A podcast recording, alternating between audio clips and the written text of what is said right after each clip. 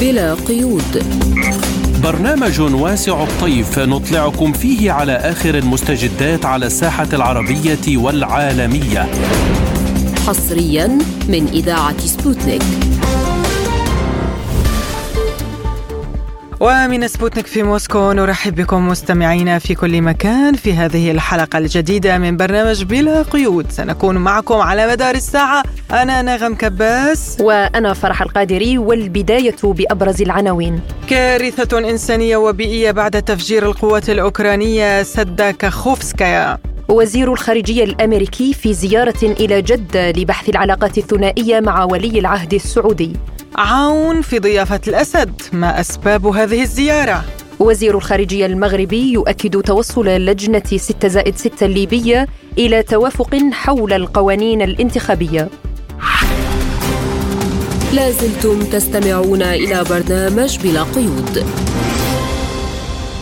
ونبدأ التفاصيل من القضية التي هزت كل ضمير حي وهي تفجير سد كاخوفسكايا الذي هز العالم بسبب تبعاته المختلفة سواء من الناحية الاقتصادية أو الاجتماعية على سكان المنطقة وصولا لتأثيراتها السياسية والعسكرية أيضا حيث تزامنت عملية تفجير السد مع نجاح القوات الروسية في إحباط هجوم أوكراني كبير وتدمير عدد كبير من المدرعات منها دبابات ليوبارد الألمانية التي راهن الغرب على أنها سوف تحرف مسار العمليات العسكرية. تفاصيل ما يحدث هناك مع مراسل سبوتنيك ميخائيل فوميتشوف. وأطلق أحد أشهر المقدمين الأمريكيين برنامجه على موقع تويتر بعد طرده من قناة فوكس نيوز ربما لانتقاده أوكرانيا.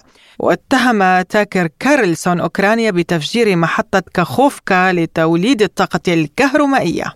If this was intentional, it was not a military tactic, it was an act of terrorism. إذا كانت الضربة على السد خطوة متعمدة فهذا لا يمكن تسميته تكتيكا عسكريا بل عملا إرهابيا. قد يؤدي تدميره إلى نتائج سيئة بالنسبة لأوكرانيا وأيضا سيلحق المزيد من الضرر بروسيا. ولهذا السبب نظرت حكومة أوكرانيا سابقا في إمكانية تدمير السد. في ديسمبر نقلت صحيفة واشنطن بوست عن جنرال أوكراني قوله إن أفراده أطلقوا صواريخ مارس أمريكية الصنع على بوابات السد كضربة تجريبية. لذلك عندما تبدأ الحقائق في الظهور فإن ما حدث للسد سيبدو أقل غموضا.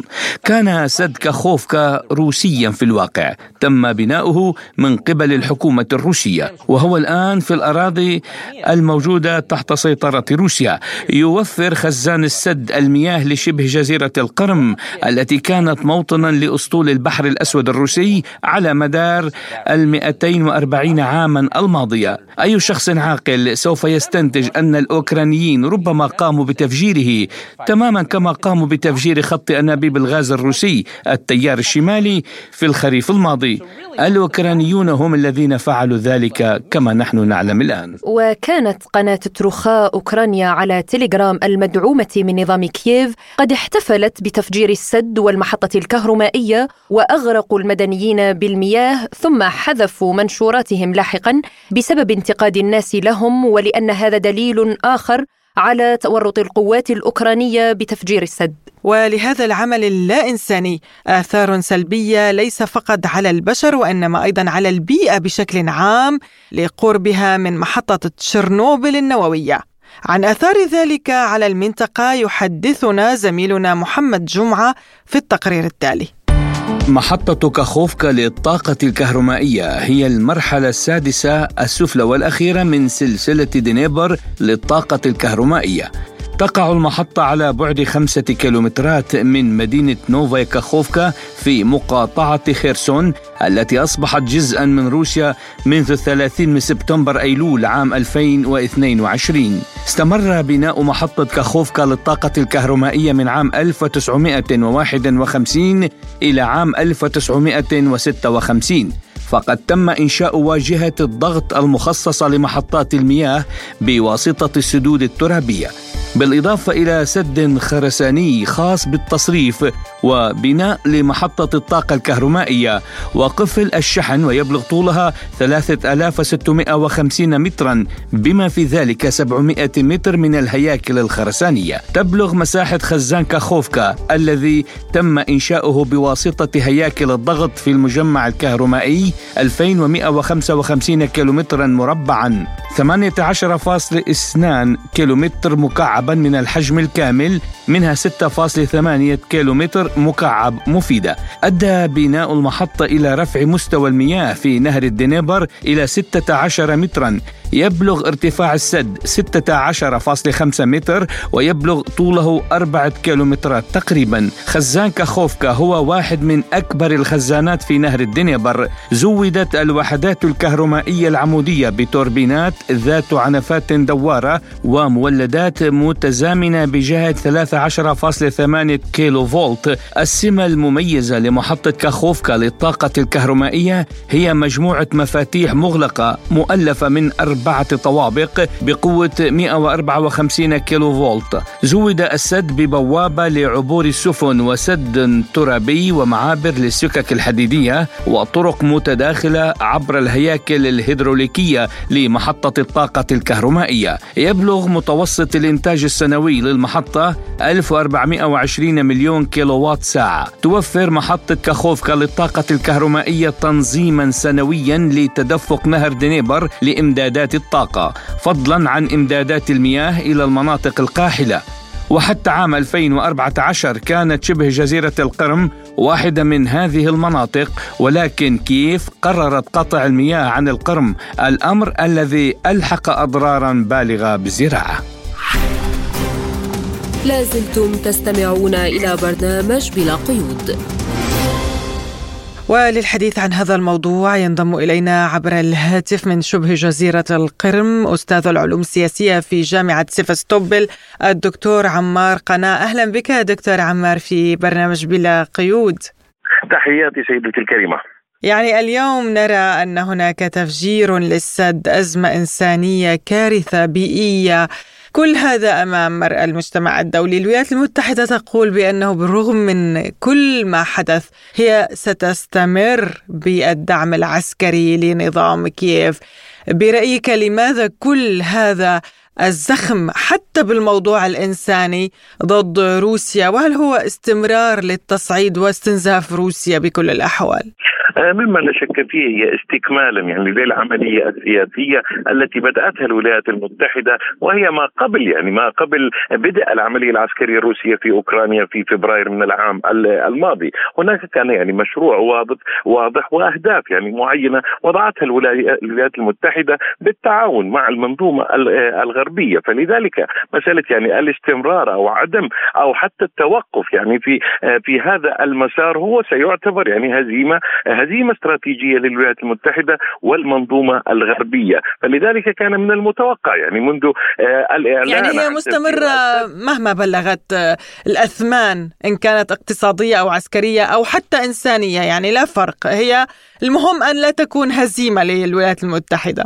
نعم طبعا سيدتي الكريمة وقد رأينا هذا منذ بداية هذه العمليات العسكرية والمحاولات الانتحارية بين قوسين ما يسموها يعني آه، محاولة تحرير آه، أوكرانيا. آه، الولايات المتحدة ضحت يعني بالجيش الأوكراني بداية ومن ثم بالشعب الأوكراني واليوم تضحي اقتصاديا أيضا بالحليف الاستراتيجي الاتحاد الأوروبي. فليس هناك يعني أي أي أزمة بهذا الخصوص للولايات المتحدة. الأهم يعني وكما يصرحون عنها يعني علانية بأن ان أمريكا هي آه، اولا. ونحن اليوم يعني في خضم هذا الصراع الجيوسياسي لا تراجع إلى للخلف يعني ولا خطوة واحدة. وهذه وهذا جزء من الأخطاء الاستراتيجية التي ارتكبتها الولايات المتحدة وترتكبها لغاية لغاية اليوم. ما حدث طبعا يعني يمكن نعتبره بالكارثة يعني الإنسانية كارثة آه، آه، بيئية. لكن أيضا التوظيف السياسي والإعلامي من قبل الولايات المتحدة والغرب نراه يعني مستمر في محاولة من جديد جديد لشيطنة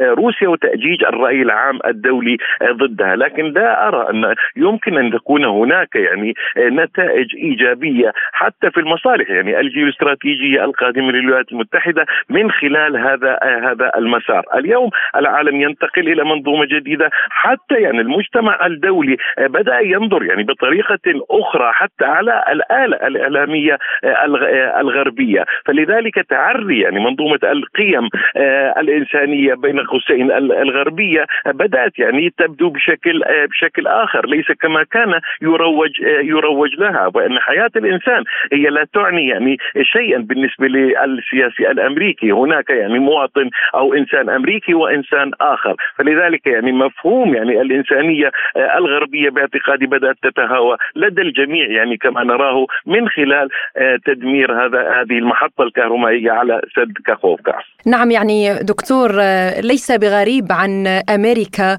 استهداف الشعوب وقتل وطمس آه، الشعوب آه، كما كان الحال يعني من وقت الهنود الحمر في أمريكا. اليوم نتحدث عن اعتقاد أمريكا بأن القوات المسلحة الأوكرانية تريد قطع الممر المؤدي إلى شبه جزيرة القرم واستهداف الجسر الواصل بينها وبين روسيا. برأيك ما عواقب مثل هكذا استهداف؟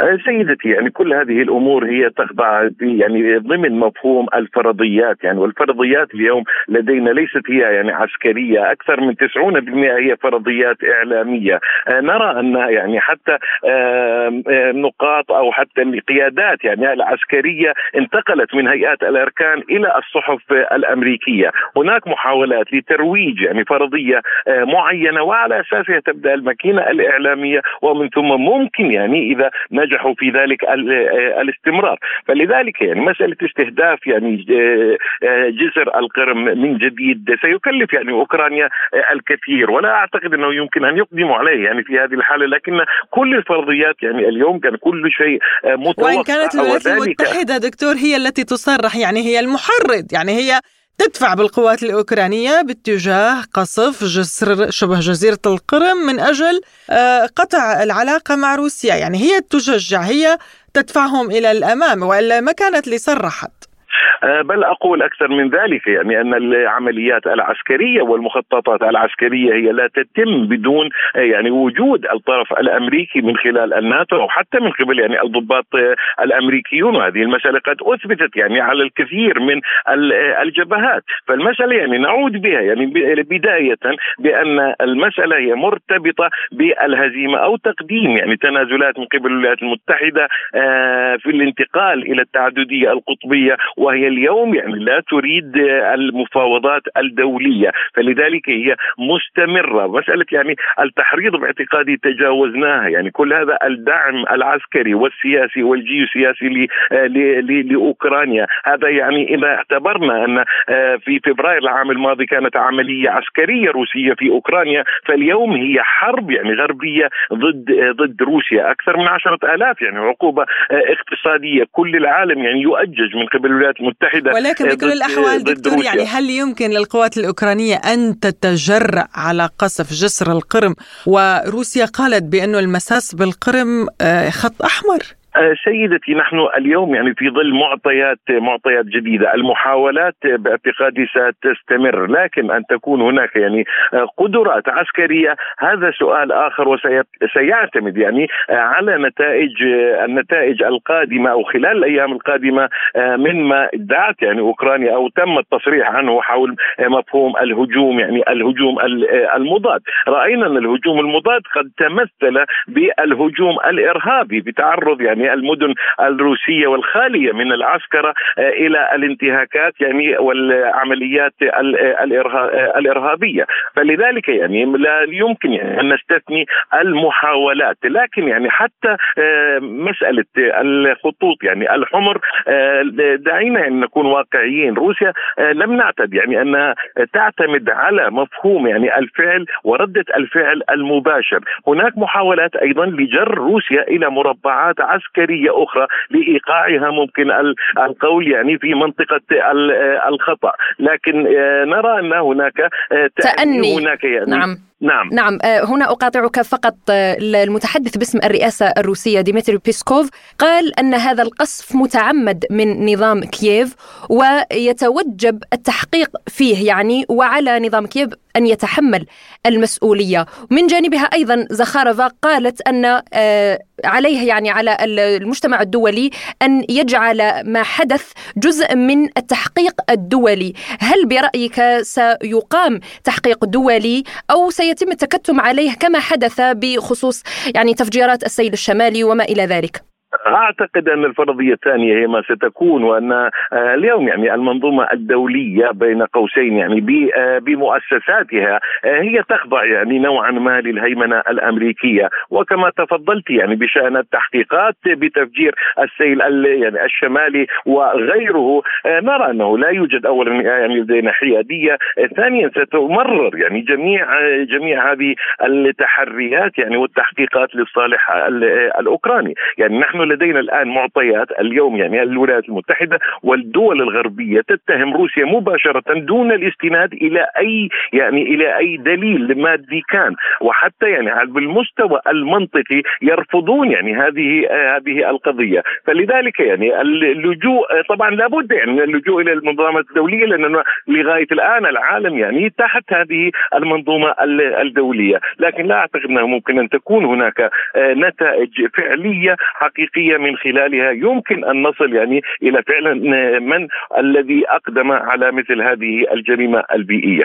سؤال أخير لحضرتك دكتور يعني زخارف أيضا قالت بأنه الغرب وبدعمه لأوكرانيا هو يبتز روسيا يستفز روسيا وأنه إذا أوقف الإمدادات لنظام كييف فإن هذا النظام سينتهي في ثانية يعني هذا أصبح أصبح معلوما أنه نظام كييف لولا الدعم الأمريكي هو لم يكن زائل. موجود. يعني زائل وربما روسيا آه، غيرته من آه، زمن. فلماذا إذا اليوم الدول الغربية تستمر بتأجيج هذا الصراع وهي تعلم بأنه لا يمكن العودة إلى أحادية القطب؟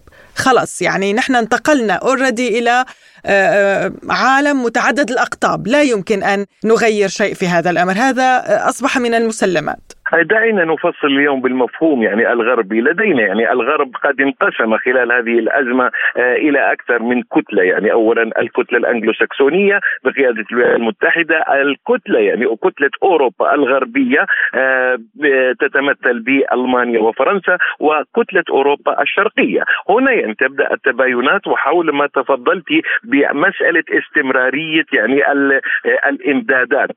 هناك رفض يعني رفض داخلي مبني على قواعد. يعني إنه لا توجد قدرة للاستمرار بالنسبة لكتلة أوروبا الغربية. آه الكتلة الإنجلوسكسونية مع مد امد هذه الأزمة مهما كلف يعني الأمر. آه كتلة أوروبا الشرقية هي التي يعني وقعت آه ليست في هذا الطرف آه يعني أو هي مع الطرف يعني الأمريكي في الاستمرار لعدم وجود يعني رؤية آه ما بعد هذه الأزمة. لا يوجد هناك يعني تخوف كما يصورونه بأن روسيا يعني ستقدم على احتلال أو حرب تجاه آه، بولندا أو دول البلطيق. آه، هذه بالعكس المسألة هم يستفزون روسيا ويقصفون الكريملين يقصفون يهددون مباني سكنية نعم كذلك. مدنيين نعم. في موسكو قصفوا مساكن مدنيين. أيضا في في شبه جزيرة القرم يقولون بأنهم سيقصفوا الجسر. يعني هم يستفزون روسيا هم يجرونها إلى استخدام الأسلحة. الاستراتيجية والنووي ولكن ما زالت يعني تضبط النفس. نعم سيدتي وستضبط يعني النفس في الكرملين لأن المسألة يعني باتت يعني أكثر وضوحا. جر روسيا اليوم يعني لمعادلات لا تريدها يعني.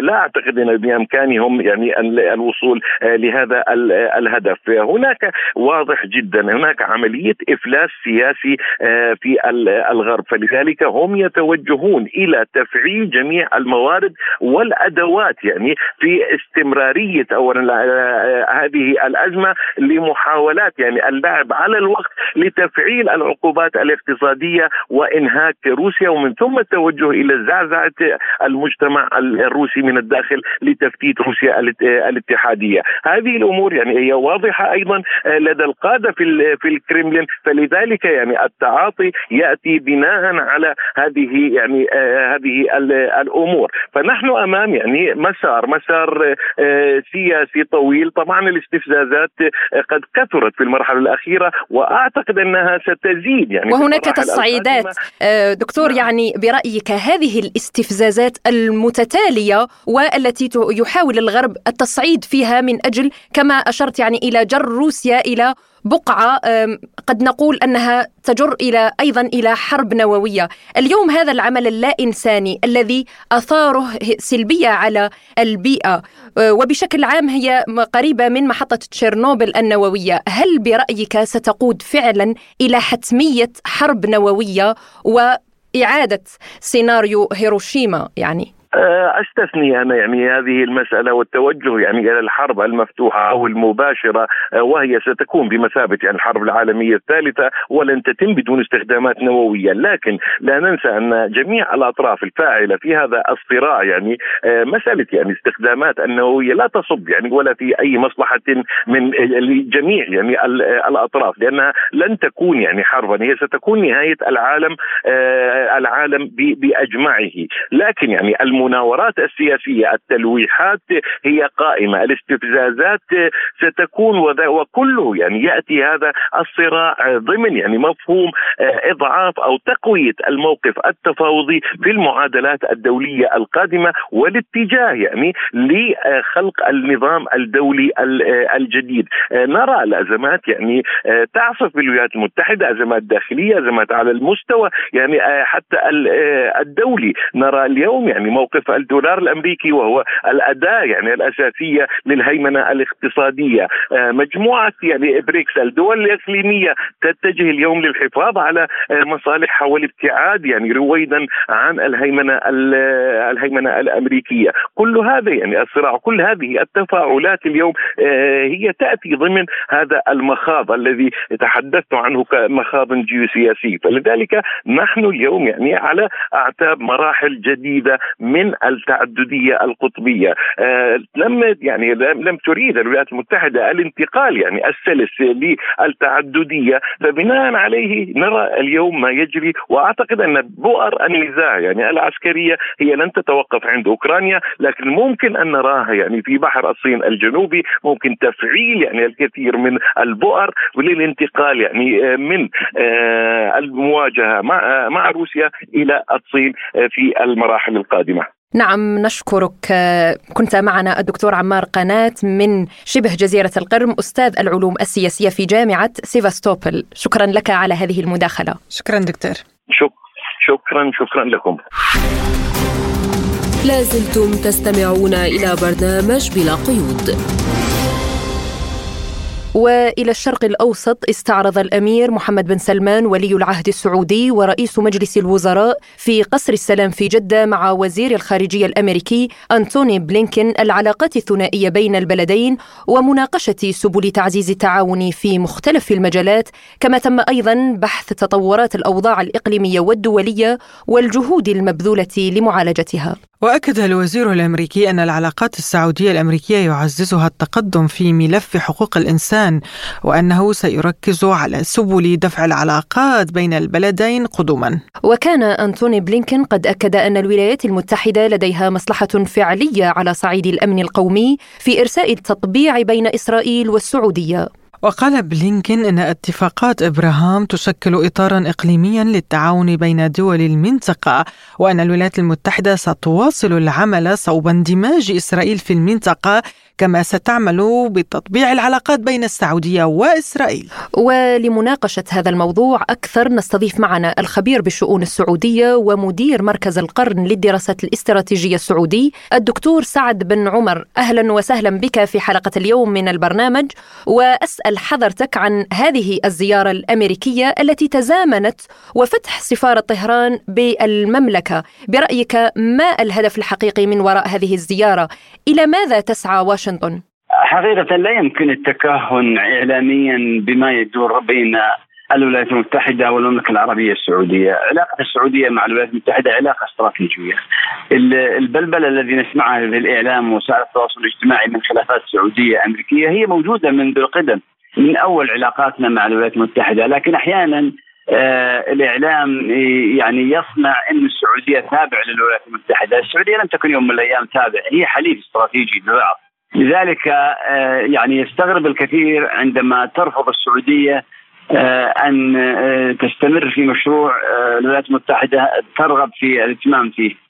مثل المصالحة مع مع إيران، السعودية لم تستأذن الولايات المتحدة في ذلك، فهي دولة مستقلة وقراراتها وليست جديدة قراراتها، قراراتها قديمة، لكن الإعلام الآن يعني يستغرب وقوف الولايات يعني تلكؤ السعودية في التعاون مع الولايات المتحدة في مجالات معينة وذلك نتيجة تلكؤ الولايات المتحدة في التعاون مع السعودية في عدة مجالات من ضمنها الأسلحة والمشاريع المتطورة. وأعتقد ما زال المجال مفتوح بين الولايات المتحدة والسعودية في التعامل في قضايا كثيرة، أما بالنسبة لتزامن وصول وزير الخارجية الأمريكي مع فتح السفارة الإيرانية فهذا شيء يعني لا أعتقد أنه يجلب الاهتمام لأنه الاتفاقية من شهرين في بدء العمل بهذا الموضوع. لكن الولايات المتحدة آه، قبل أسبوع كان هنا أو أقل من أسبوع كان هناك آه، آه، قرار سعودي بتخفيض إنتاج النفط مليون برميل يوميا. قد يعني الولايات المتحدة تبحث هذا الموضوع مع السعوديين. أيضا هناك موضوع وساطة في السودان بين السعودية والولايات المتحدة. أيضا محتمل أن يكون من ضمن نعم دكتور دعني أستوقفك هنا عند حل الأزمة في السودان واليمن يعني من بين الملفات التي طرحت أثناء المباحثات. برأيك هل ستحاول أمريكا إيجاد حلول سريعة لاستعادة ثقة الشرق الأوسط لتقول العالم أن بيدها حلول وأنها ما زالت مهيمنة أنها لم تخرج من المنطقة؟ عزيزتي آه يعني آه المملكة العربية السعودية تغيرت سياستها لا شك. لكنها لم تتغير إلى ال ال الاتجاه المعاكس في الولايات المتحدة. هي تغيرت إلى مصالحها بالدرجة الأولى. يعني آه، المراقب آه، المحايد يرى أن المملكة العربية السعودية تضع مصالحها التنموية والاقتصادية وأمنها الاستراتيجي فوق أي اعتبار. قد يكون هناك سابقا آه، اختلاف غير مكشوف مع الولايات المتحدة. والآن أصبح الاختلاف مع الولايات المتحدة أكثر انكشافا نتيجة عدة عوامل من ضمنها آه، يعني آه، تلكؤ الولايات المتحدة في في التعامل مع قضية اليمن ومساعدة السعودية فيها إذا لم نكن آه، يعني إذا لم تكن الولايات المتحدة يعني تعاملها واضح مع الحوثيين وضد مصالح المملكة. أيضا يعني المملكة انتظرت 13 عاما في أن تتعامل الولايات المتحدة مع الملف الإيراني بإيجابية، لم تتقدم الولايات المتحدة شبرا واحدا، هي مجرد تلكؤ ووعود آه، غير صادقة، فالمملكة العربية السعودية عندما وقعت الاتفاقية مع إيران وضعت الولايات المتحدة وإسرائيل أمام إيران مباشرة. لذلك يعني تبقى هناك خلافات بين السعودية والولايات المتحدة لكنها خلافات آه، مبطنة واختلافات آه، حلولها لدى السعودية وليست طيب بالنسبة لما قاله بلينكن حول تطبيع العلاقات مع إسرائيل برأيك كيف سيكون موقف الرياض؟ موقف السعودية واضح وكلام بلينكن في هذا الموضوع هو كلام انتخابي. يعرف جيدا المملكة العربية السعودية لا يمكن أن تفرط في القضية الفلسطينية. ويعني سمعنا منذ وصول محمد بن سلمان إلى ولاية العهد كلام كثير. وفي الأخير وفي النتيجة تظهر أمامنا أن المملكة لا يمكن أن تفرط بالقضية الفلسطينية ولن تفرط فيها مستقبلا. لكن إذا صرح بلينكن أو أي شخص آخر فهذا يعني يعود لهم يصرفون زي ما يبغون لكن أهم شيء الفعل. ليس هناك أفعال على الأرض. من المملكة العربية السعودية أن آه، تمد علاقاتها مع إسرائيل على حساب الشعب الفلسطيني، لذلك لا يهمنا ماذا يقولون في الإعلام، يهمنا ما يعمل في الأرض. طيب ماذا عن التقارب السعودي الروسي في ظل الأزمة الأوكرانية دكتور؟ يعني هل برأيك ستحاول واشنطن جر المملكة إلى هذا الصراع إلى الوقوف ربما ضد روسيا؟ المملكة لن تنجر للصراع في أوكرانيا. فأوكرانيا أصلا بلد صديق المملكة العربية السعودية ولدينا استثمارات كبيرة جدا في أوكرانيا. كذلك الحال مع روسيا. لذلك المملكة من أفضل الوسطاء التي الذين يعني نجحوا نجاحا على الأرض مشهود لهم في إطلاق سراح وتقريب وجهات النظر، لذلك لا الولايات المتحدة ولا روسيا سيستغلان المملكة لجذبهما في في هذا الصراع الذي هو خسارة كبرى للمملكة لو دخلت فيه.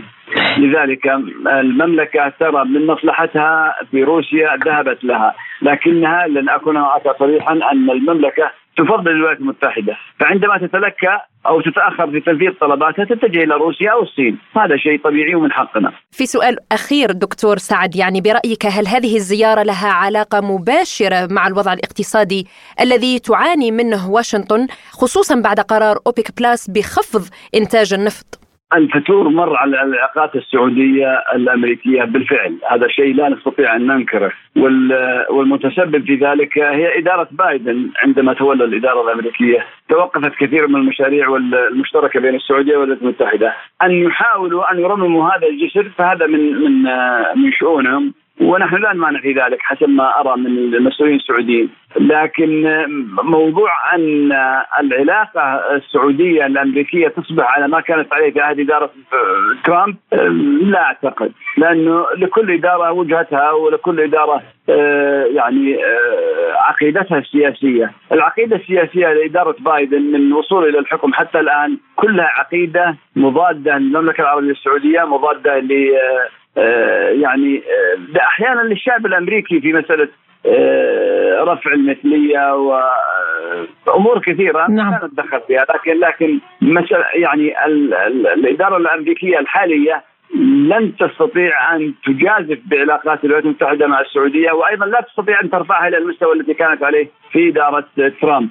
الخبير بالشؤون السعودية ومدير مركز القرن للدراسات الاستراتيجية الدكتور سعد بن عمر. شكرا جزيلا لك على هذه المداخلة. لازلتم تستمعون إلى برنامج بلا قيود. وإلى ملفنا التالي للحديث عن زيارة الجنرال ميشيل عون الرئيس اللبناني السابق لدمشق حيث بحث مع الرئيس السوري بشار الأسد القضايا ذات الاهتمام المشترك.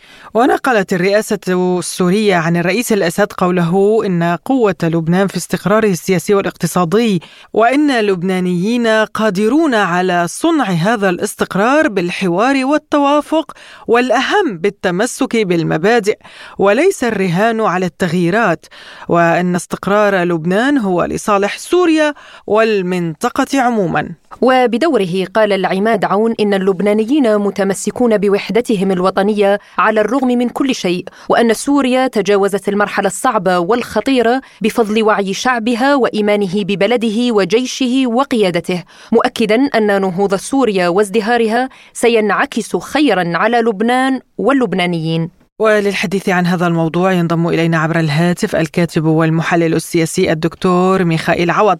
أهلا بك دكتور في برنامج بلا قيود وأبدأ من أهداف هذه الزيارة لميشيل عون إلى سوريا ولقائه بالأسد يعني بعد أن انتهت آه، رئاسته. الزيارة ما واضح هي آه، يعني أقرب إلى مجاملة اجتماعية ومحاولة من قبل الجنرال أن توضيح آه، بعض الالتباسات والمواقف. وفي ذات الوقت آه، يعني تطمين السوريين إلى حد ما وسعي لتأمين التيار الوطني الحر بعد ما تسبب جبران باسيل بمسألة الانتخابات ومسائل أخرى أشياء من تعقيد تقويم هذه العلاقات. طيب يعني برأيك هل هناك تغيير من الممكن أن يقوم به عون حاليا؟ وهل تم بحث وضع اللاجئين السوريين في لبنان؟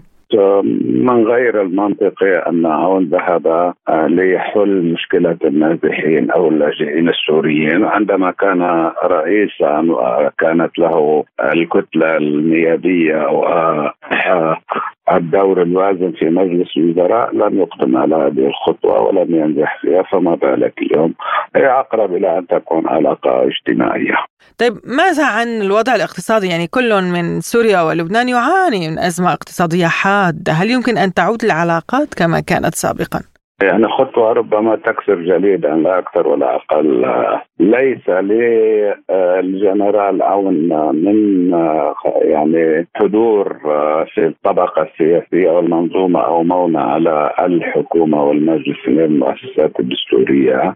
أيضا يعني لا ليس إن لم تجري الانتخابات الرئاسية وتشكل حكومة فالعلاقات مع سوريا ستكون بالمفرق وليس كقرار يعني يتخذ رسميا بالسعي لحل الأزمات الاقتصادية عبر إزالة العقبات من التبادلات البينية خاصة بين سوريا ولبنان العراق الأردن هذه بيئة إذا يعني حلت المشكلات وجرى التفاهم والتوافق على تطوير البنى الاقتصادي يمكن أن تلطف الأزمات كثيرا لكن الزيارة ليس لها أي فعالية في هذا السياق. نعم الكاتب والمحلل السياسي الدكتور ميخائيل عوض شكرا لك على هذه المداخلة. ولمعرفة وجهة النظر السورية ينضم إلينا عبر الهاتف من دمشق النائب السابق في البرلمان السوري مهند الحاج علي أهلا بك أستاذ مهند وأبدأ معك مما قاله ضيفنا من لبنان الدكتور ميخائيل عوض قد بأن هذه الزيارة شكلية لا يمكن أن تؤثر على ملف اللاجئين السوريين في لبنان ما رأيك؟ لا بكل تأكيد يعني هناك أمور عقيقة يعني عميقة جدا وإلا لما استدعت الحاجة أن يقوم بزيارة السيد الرئيس ميشيل عون إلى السيد رئيس بشار الأسد، اليوم هناك العديد من الملفات المرتبطة والمتشابكة بين سوريا ولبنان وهذا التشابك يعني هو تاريخي وليس وليد اللحظة. أو وليد العدوان على سوريا. آه، طبعا بكل تأكيد بنتيجة العدوان على سوريا لبنان تأثر وخاصة في ملف المهجرين هناك تعاون نستطيع أن نقول بين الجانب السوري والأمن الوطني اللبناني آه، ولكن اليوم عندما تفتح أبواب التعاون أكثر مع آه، يعني بوابات أخرى في لبنان هذا يعجل من عودة اللاجئين إلى سوريا وفي نفس الوقت يخفف وطأة العبء الاقتصادي على لبنان نتيجة وجودهم. هذا من جانب. من جانب آخر اليوم بكل تأكيد يعني آه، حالة القطيعة والعقوبات الاقتصادية التي آه، تمارس على سوريا من قبل الولايات المتحدة الأمريكية أو الإجراءات وحادية الجانب يتأثر بها لبنان لأن هناك لأن نحن نعلم أن آه، يعني سوريا هي المنفذ البري الوحيد للبنان من كل الاتجاهات. وبالتالي عمليات التبادل التجاري وخاصة من الشركات اللبنانية تتأثر بهذه العقوبات. لذلك اليوم علينا أن نجد مخرجا في ظل التقارب العربي السوري آه، آه، في هذا الإطار وأظن أن الموضوع هذا أيضا كان مطروحا. بالإضافة للأمور السياسية المتعلقة بانتخاب رئيس نحن نعلم أن سوريا لها دور كبير آه، في مساعدة الأخوة اللبنانيين على تنفيذ دستورهم ويعني مراعاة الشرعية آه، في الداخل اللبناني. وتستطيع سوريا طبعا أن تؤثر في هذا الموضوع بشكل إيجابي بما يخدم اللبنانيين. ودائما كان الموضوع يحدث بالتشاور مع سوريا يعني عبر عبر عقود. والموضوع ليس وليد هذه اللحظة، لذلك لا أعتقد أن هذه الزيارة شكلية ابدا، هي زيارة آه، يعني مهمة جدا وفي توقيت مهم، آه، طبعا موضوع الفراغ الدستوري الرئاسي له آه، أهمية كبرى. أنا أعتقد أنه من خلال المباحثات والوضع الاقتصادي بكل تأكيد وخاصة أن البلدان يؤثران ويتأثران ببعضهما البعض يعني. نعم يعني لو نتحدث عن الوضع الاقتصادي برأيك هل يمكن أن يعود كما كان عليه سابقا؟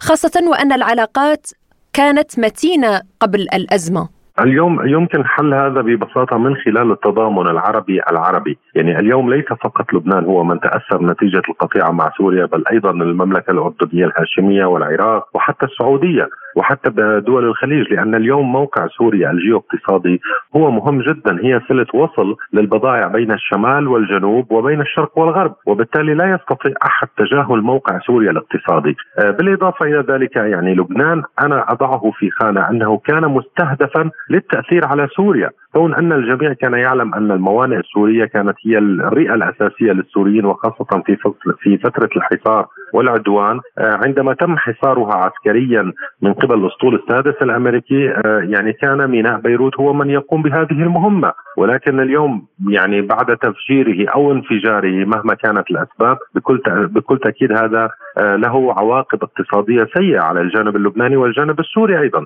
لذلك اليوم إعادة تنشيط العلاقات الاقتصادية بين البلدين من خلال عملية نقل البضائع. يعني أنا أذكر مثال ولو بالأرقام سوريا تنتج مليون طن من الحمضيات سنويا. آه، كان لبنان له حصة كبيرة منها والأردن والعراق. يعني آه، يتجاوز ال 600 ألف طن كانت تستوردها هذه البلدان.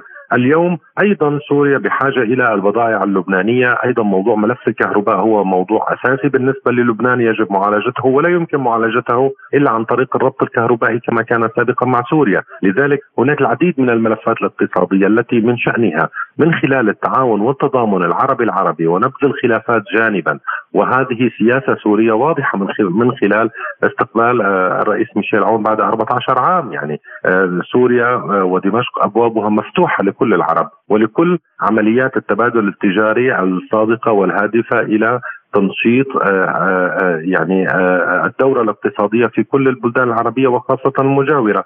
لذلك من باب أولى لبنان الذي يعتبر هو رئة لسوريا وسوريا هي التي تعتبر يعني آه، آه، كل الحدود البرية بالنسبة للبنان أن يكون بينهما هذا هذا النوع من التبادل الاقتصادي والتجاري لنخفف من وطأة الضغط الاقتصادي على الشعبين.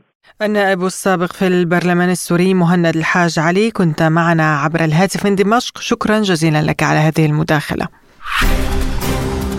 لازلتم تستمعون إلى برنامج بلا قيود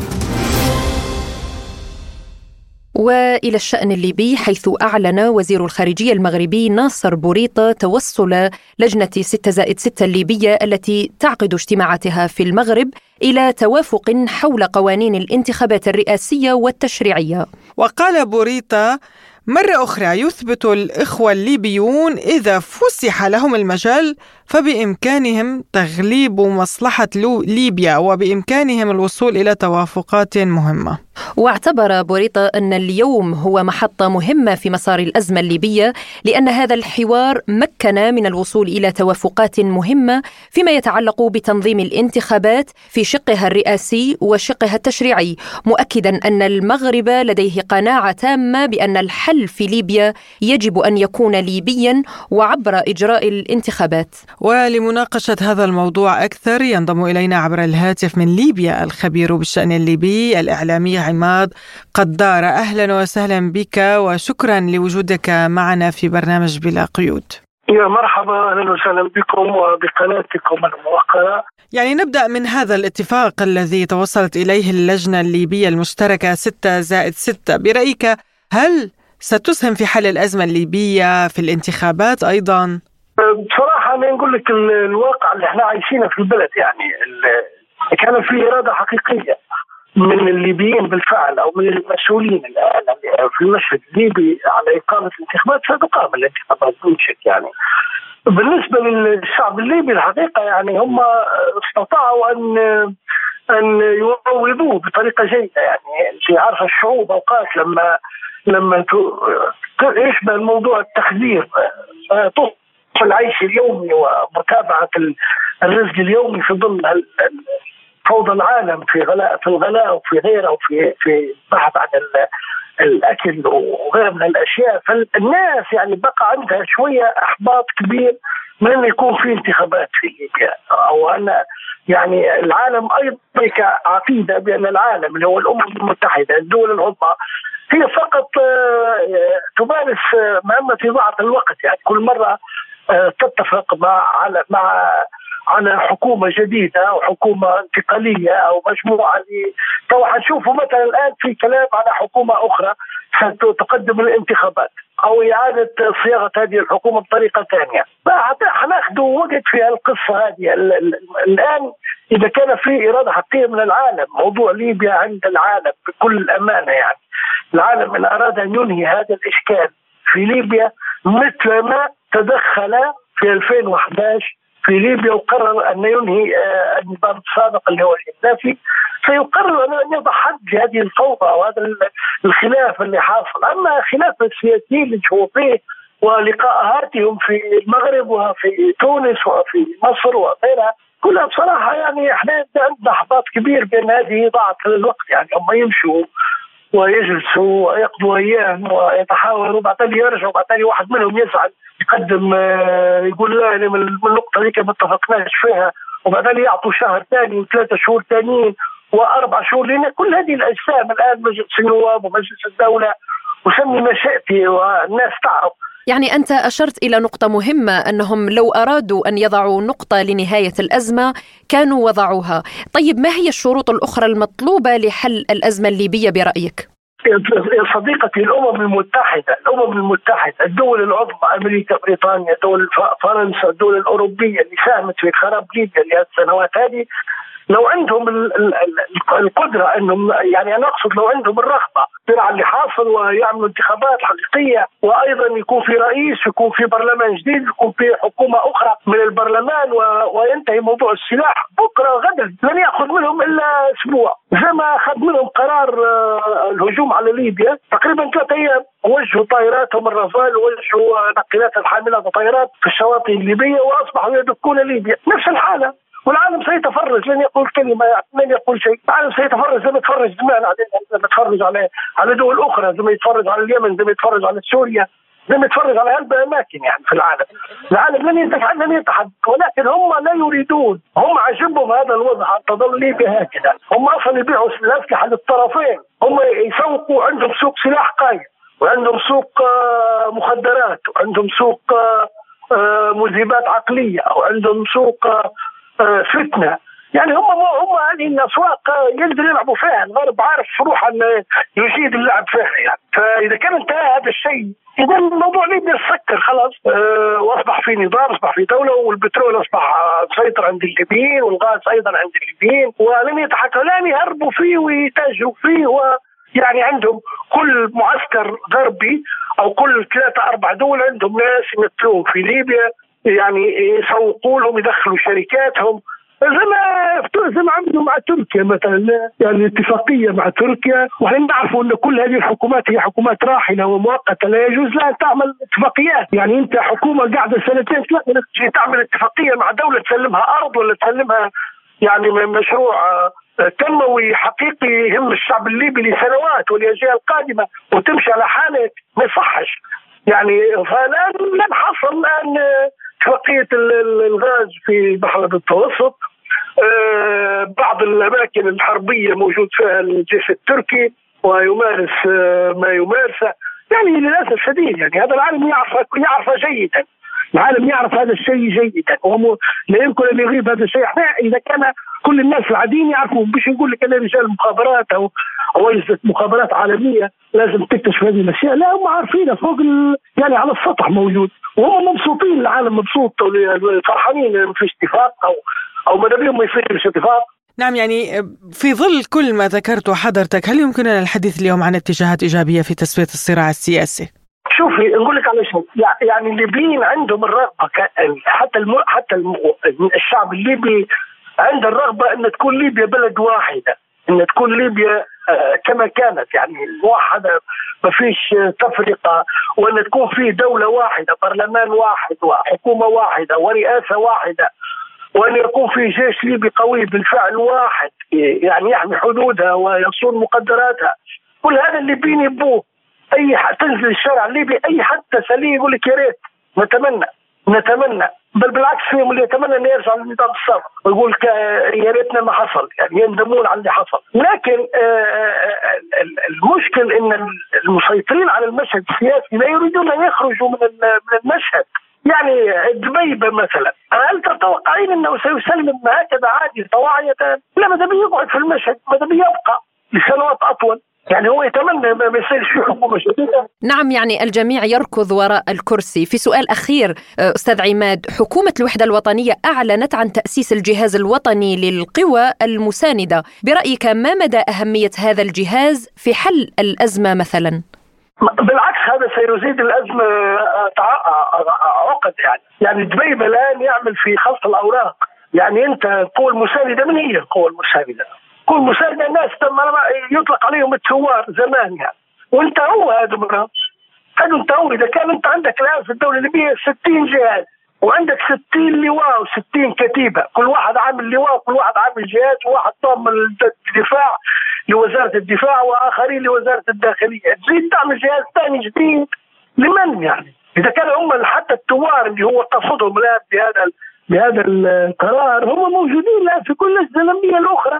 موجودين عندنا 60 اسم. أنا عمري ما سمعت بكمية الأسماء العلمية واللي لها علاقة بوزارة الدفاع العسكرية مثل ما سمعت بها في هذه الفترة وفي هذه السنوات يعني. يعني تلقي 60 اسم و60 عنوان ويقول لك أنا تابع الداخليه وهذا كل اللي صرف الأموال فقط لا غير هذا كل اللي النهب والسرقه والفساد.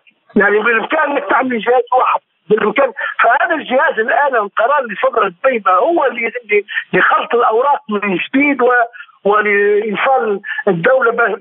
لأن الجهاز هذا إذا كان إذا كان صار منه لا أتوقع مش عارف بالعكس يصير عليه مشاكل يعني. من أمس على الفيسبوك الليبيين مستهجنين من هذا القرار و...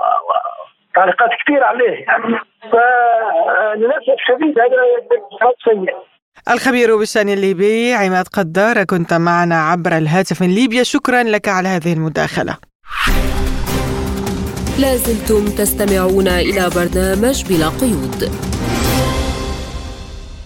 وإلى الملف التالي برلمانيون روس يكسرون الحصار الأمريكي على مشافي دمشق والطوارئ الروسية تدعم فوج إطفاء دمشق بثمانية أطنان من المعدات الخاصة بإخماد الحرائق. وقدم الوفد مساعدات طبية للمستشفى تضمنت حاضنات أطفال وتجهيزات طبية متنوعة بحضور مدير المشفى الدكتور نزار إبراهيم والكوادر الطبية والتمريضية. بدوره أشار فلاديمير جاتينيف رئيس الوفد في تصريح لسبوتنيك إلى تطور العلاقات بين بلاده وسوريا. فجبنا معنا ليس فقط الأجهزة الطبية الخاصة ولكن جبنا معنا ليس فقط المستهلكات ولكن جبنا معنا كمان المضخات المضخات المائية لتأمين السكان الجمهورية العربية السورية بالمياه الصالحة للشرب. هون بالمشفى نقوم بتسليم المستهلكات الخاصة بالتطهير وتعقيم الأدوات الطبية لكي يتم تخزينها. المشفى واستخدامها كمان نقوم بتصميم ثلاث أجهزة فريدة ثلاث أجهزة طبية فريدة جدا أجهزة التنفس الصناعي. فريدة لأن تسمح بتقديم المساعدات ليس فقط للناس كبار السنين فحسب للأطفال. وتم تصنيع هذه الأجهزة بالشركة الروسية. وكما قلت أنا الأجهزة فريدة جدا تسمح بتقديم المساعدة الطبية للأطفال الذين يكون وزنهم آه، أقل من 2 آه، كيلو حتى أقل من 2 كيلو. بما في ذلك نقوم بتصليم المستهلكات والمواد آه، الخاصة بالنظافة الشخصية وكمان المستهلكات لصيانة الأجهزة وصيانة الأدوات الطبية. وكمان قمنا بتصليم جهاز قياس الضغط ضغط العيون. وهذا الجهاز هام جدا لأنه تسمح بكشف المرض من من المراحل الأولى للمرض. وذلك الأمر يسمح بتقديم المساعدات المناسبة المناسبة في أقرب وقت ممكن. من المهم جدا أنه آه، الشعب الروسي آه، الشعب السوري يحس أن الشعب الروسي كمان يقدم المساعدات من أعماق قلوبهم آه، وذلك يظهر ذلك الأمر يظهر العلاقات ما بين الشعبين. وعبر مدير المستشفى الدكتور نزار إبراهيم عن شكره للوفد الروسي على تقديم هذه المساعدات الطبية الذي هم بحاجة ماسة لها. آه، تم استلام آه، دفعة مساعدات جديدة من الاتحاد الروسي آه، مؤلفة من مواد دقمة كطحين ورز وسكر سيتم وألعاب أطفال سيتم توزيعها على الأهالي نشكر جهود الحكومة الروسية على وقفتها جانب الشعب السوري منذ بداية الأزمة حتى حتى الحين. كما وعدنا وعدنا بمساعدات أخرى قادمة. وفي سياق متصل قام وفد روسي بزيارة لمركز الإيواء بريف دمشق الحرجلة وقدم مساعدات إنسانية مؤلفة من سلل غذائية وألعاب أطفال وحرامات وأدوات كهربائية محاولين زرع البسمة على وجوه العائلات التي فقدت أبنائها نتيجة الأعمال الإرهابية التي حدثت في مناطقهم. وكذلك سلمت وزارة الطوارئ الروسية مساعدات خاصة بإخماد الحرائق إلى فوج إطفاء دمشق بهدف ترميم النقص في احتياجات قطاع الإطفاء والإنقاذ. وعبر محافظ دمشق المهندس محمد طارق كريشاتي عن شكره للجانب الروسي على الدعم المقدم في مجال الإطفاء والإنقاذ والدفاع المدني طبعا بداية باسم أهالي محافظة دمشق وفوج إطفاء دمشق نتقدم بالشكر لوزارة الطوارئ الروسية على المعدات والتجهيزات اللي اليوم عم تقدمها لفوج إطفاء دمشق يلي هي طبعا تعبير عن أواصر الصداقة المشتركة بين الشعبين وهي تتويج للعلاقة المشتركة أيضا بين السيد الرئيس الدكتور بشار الأسد والسيد فلاديمير بوتين. طبعا التجهيزات هي آه، فوج اطفاء دمشق بحاجتها نتيجة طبعا آه، العقوبات اللي اللي طالت سوريا عبر 12 سنة ونتيجة الحرب الإرهابية الظالمة اللي طبعا آه، استنفذت الجزء الكبير من من إمكانيات فوج اطفاء دمشق ومن تجهيزاته. وأخيرا الزلزال الذي ضرب بعض المحافظات السورية. ومن جانبه أكد وزير الإدارة المحلية والبيئة المهندس حسين مخلوف في تصريح خاص لسبوتنيك أهمية المذكرة التي تم توقيعها مع الجانب الروسي. أكيد هذه المذكرة مهمة. آه، الحقيقة هي بتنظم آه، تعاوننا المشترك في مجال آه، دعم لتبادل المعلومات والخبرات وأيضا تلقي المعدات المساعدة في الإنقاذ والإطفاء.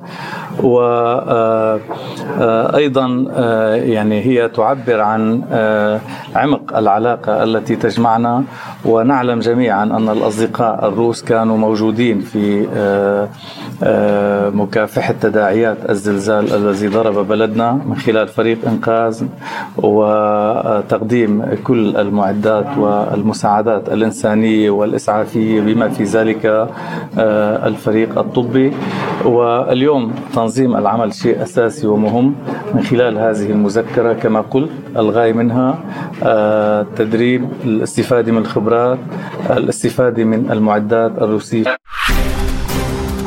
لازلتم تستمعون إلى برنامج بلا قيود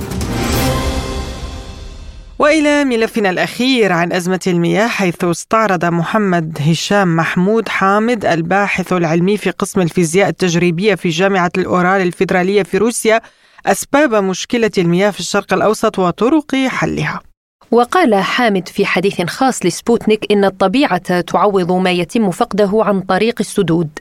آه، اولا المياه في الشرق الأوسط آه، أنا أرى وجهة نظري أن ليس هناك مشكلة في المياه في الشرق الأوسط باي حال آه، خاصة في بلادنا في مصر مثلا فلدينا نهر النيل وإن كان هناك سدود تبنى على نهر النيل إلا أن لن تكون هناك أزمة مياه لأن الطبيعة تعوض ما يتم فقده عن طريق السدود. وفسر الباحث وجود كميات كبيرة من المياه غير الصالحة للشرب في الشرق الأوسط بقوله. هذا هذا الأمر يرجع إلى طبيعة المكان وطبيعة وطبيعة والطبيعة الجغرافية للمكان، في بعض الأماكن والصحراوية خاصة في الشرق الأوسط وهناك أماكن صحراوية كبيرة وكثيره آه نعم هناك نسبة المياه فيها مالحة فيها نسبة ملوحة عالية نظرا لتواجد فيها المعادن الثقيلة وهذا طبيعي إن نسبة المياه نسبة الأملاح والمعادن الثقيلة تكون في المياه آه، نسبة عالية لأنها طبيعة صحراوية. يمكن تنقية هذه المياه للشرب إذا دعت الحاجة ولكن أعتقد أن كل الدول العربية وإن كان هناك صحاري أماكن صحراوية كثيرة إلا أن لديهم بدائل من مياه عذبة يستطيعون آه، استخدامها آه، مثل المياه الارتوازيه التي ممكن أن تستخرج من أعماق آه، من المياه الجوفية من أعماق كبيرة. وتحدث حامد عن مخاطر الأسلحة النووية وقال: من من وجهة نظري أن استخدام السلاح النووي أو السلاح آه، الذي يحمل radioactive material هو سلاح استراتيجي واستخدامه بعيد بعيد المنال لأن استخدام السلاح النووي يعود سلبا على كلا الجانبين المستخدم والمستخدم عليه اضف في ذلك أنه محرم شرعيا لأنه يبيد كل شيء لا يبقي اثر لا اثر لا للبيئة ولا للإنسان ولا حتى للمنشا المنشآت الموجودة في المدن التي يستخدم عليها. لذلك من نظري من وجهة نظري أن السلاح النووي سلاح استراتيجي وليس سلاح قابل للاستخدام في الحروب لأنه مبيد تماما ولا يميز ما بين الدولة التي تستخدمه والتي تستخدم عليه. استمعنا إلى ما قاله محمد هشام محمود حامد الباحث العلمي في قسم الفيزياء التجريبية في جامعة الأورال الفيدرالية في روسيا. وإلى هنا تنتهي حلقة اليوم من برنامج بلا قيود. قدمناها لكم أنا فرح القادري. وأنا نغم كباس وللمزيد من متابعتنا زوروا موقعنا الإلكتروني سبوتنيك dot ae وقناتنا على التليجرام سبوتنيك عربي. وأيضا يمكنكم متابعة مواضيع متنوعة نقدمها عبر Arab Point Podcast فاشتركوا بقناة Arab Point Podcast على يوتيوب وبودكاست وتويتر وفيسبوك. إلى اللقاء. إلى اللقاء.